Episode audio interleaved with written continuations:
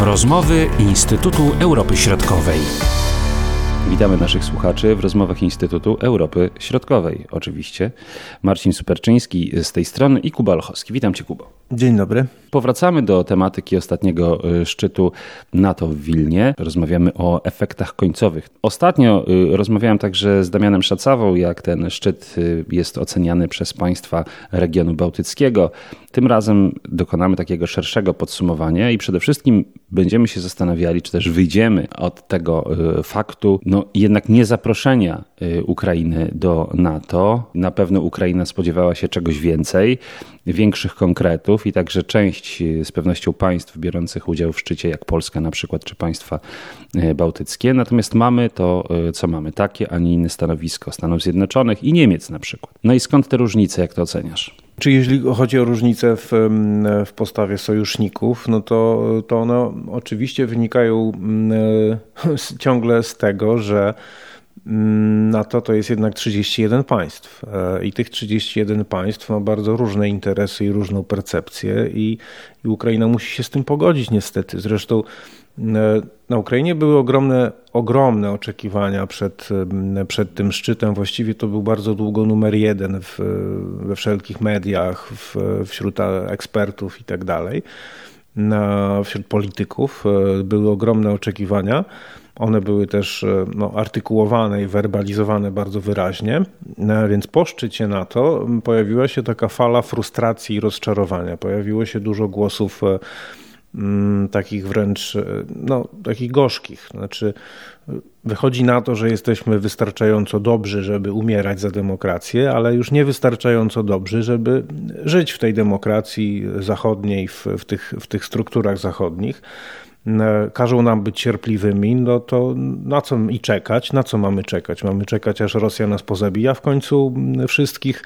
I tego typu głosów było bardzo dużo, natomiast one były tonowane przez, przez różne głosy, przez różnych ekspertów, którzy mówili, to jest pewna nauczka. Musimy się nauczyć wyciągać wnioski, musimy się nauczyć tego, że NATO to jest sojusz polityczno-wojskowy a nie czysto wojskowy. I właściwie ten komponent polityczny jest nawet ważniejszy. I, i tego się musimy nauczyć i musimy, e, musimy się skupić na tym, że to jest sojusz polityczny i tutaj uwarunkowania polityczne są niesłychanie istotne. A poza tym, e, no, też po tej pierwszej fali rozczarowania i frustracji pojawiły się głosy, że no nie jest aż tak źle, bo jednak e, nie będziemy musieli przechodzić przez tę całą procedurę map, tego planu, e, planu działań na, dla, dla członkostwa że e, właściwie rozszerzyła się koalicja międzynarodowa popierająca Ukrainę, bo przecież szczytowi towarzyszyły też deklaracje grupy G7, a to nie jest tylko NATO. Więc to jest, to jest akurat e, dobry sygnał.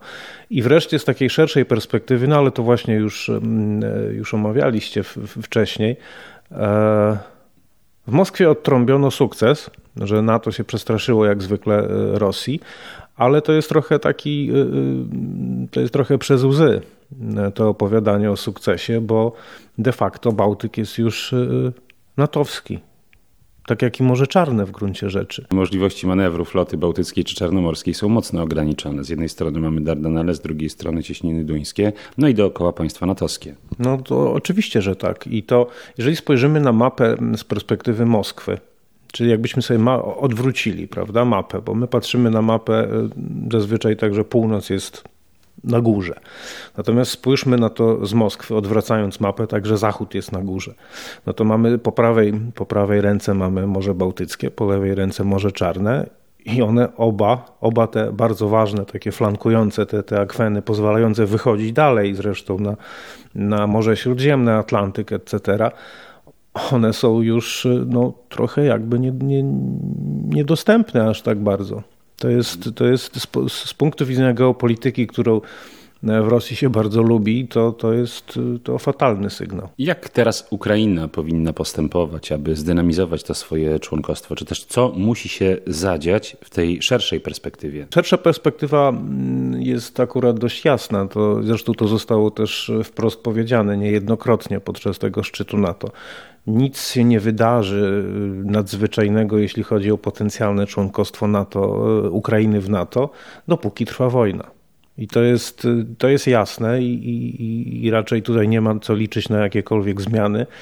No ale to oznacza też taki trochę paradoks, że ta, bez pomocy NATO ta wojna się nie skończy korzystnie dla Ukrainy, więc ta pomoc musi, musi zostać utrzymana.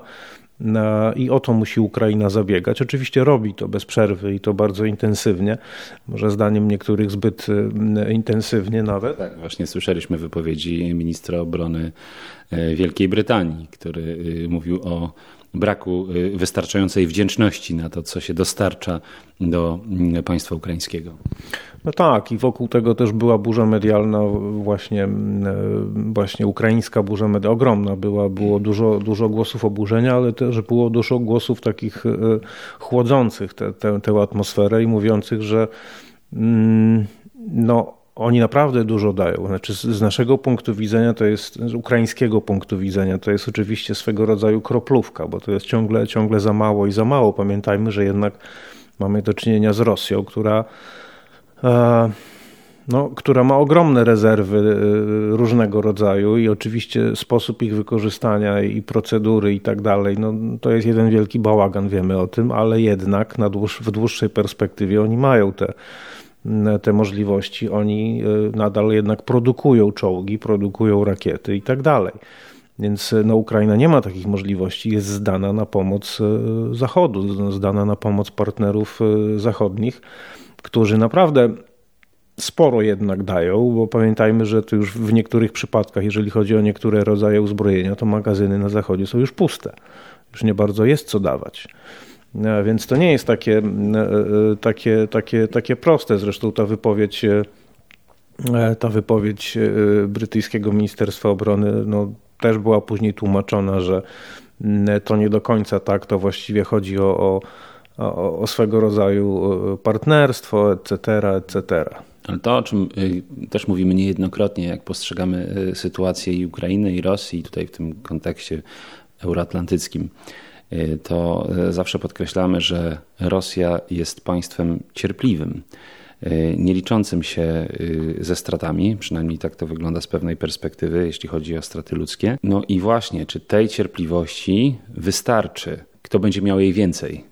Czy po jednej, czy po drugiej stronie. Wydaje się, że Rosja jest tutaj bardzo konsekwentna i nie odpuszcza. I te informacje ostatnie, które docierają o koncentracji znowu poważnych y, sił na innych odcinkach niż ten odcinek bachmucki, mogą o tym świadczyć, że tutaj jakby nie ma kroków tyłu, powiedzmy. Ponoszą oczywiście bardzo duże straty, ale cały czas jest ta konsekwentna y, polityka. I czy tutaj tej konsekwencji nie zabraknie po stronie, powiedzmy to szeroko, zachodniej? No, na to właśnie liczy Rosja, że, że tej konsekwencji, tej jedności w końcu zabraknie. Rosjanie będą e, jedli chwasty, ale, e, ale chcą być mocarstwem i, i, i będą czołgi produkować. Natomiast e, no, Zachód myśli zupełnie innymi kategoriami.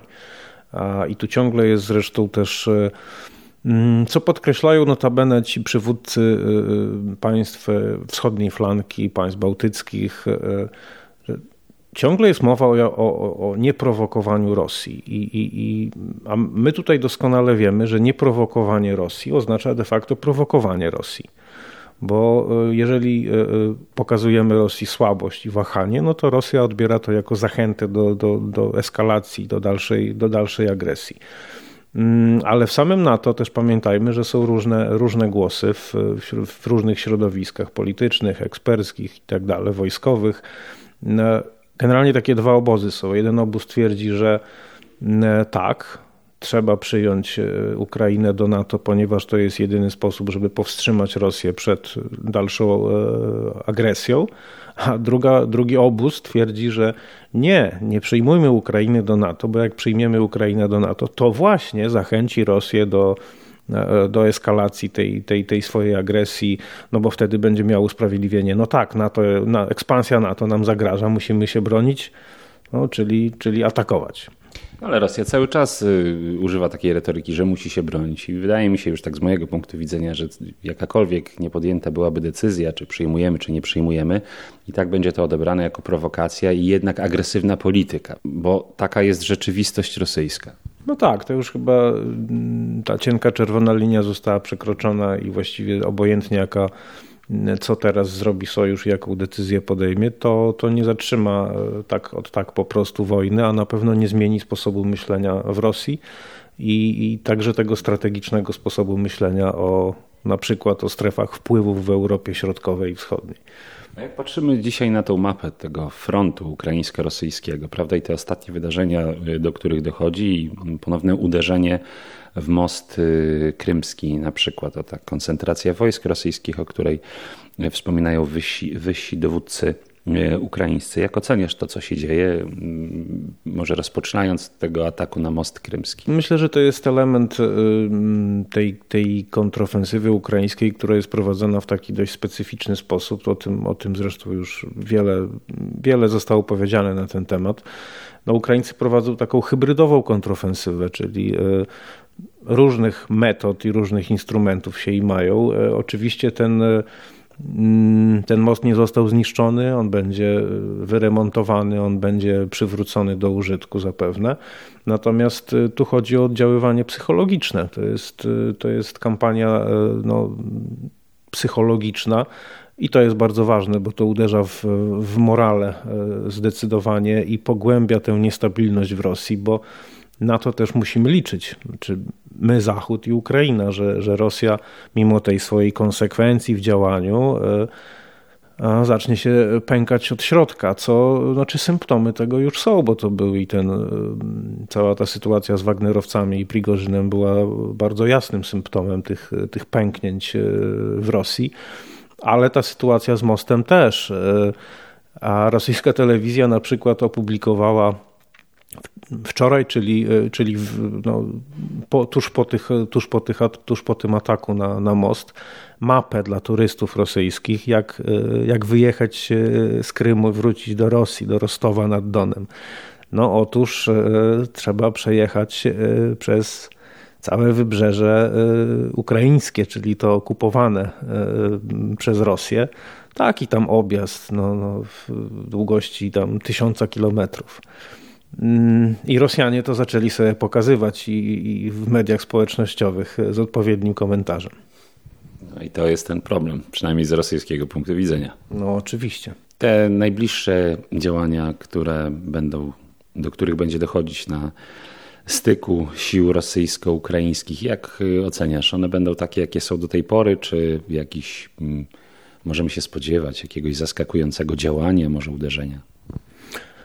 A no niestety y, z tego, co, z tego co wiem, to, to wywiady różnych państw zachodnich, y, analitycy różne, z, z różnych stron y, no, no raczej nie, nie przewidują jakichś gwałtownych przełomów, no bo, mm, no bo jednak sytuacja jest trudna. Rosjanie, się, Rosjanie są dobrze okopani, Rosjanie są, zbudowali linie obronne i bez względu na to, czy jakie jest ich morale, to, no to oni, się, oni się bronią. A Ukraińcy też pamiętajmy, to nie jest, taka, nie jest taką kwestią łatwą e, e, przesiąść się ze sprzętu e, posowieckiego na, na sprzęt zachodni.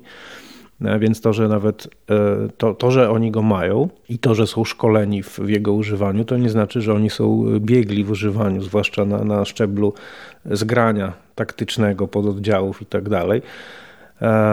No więc to, to, nie jest, to nie jest takie proste, jak, jakby, się, jakby się niektórym wydawało jeszcze, jeszcze niedawno. Dziękuję bardzo za tę rozmowę i komentarz, Kubo.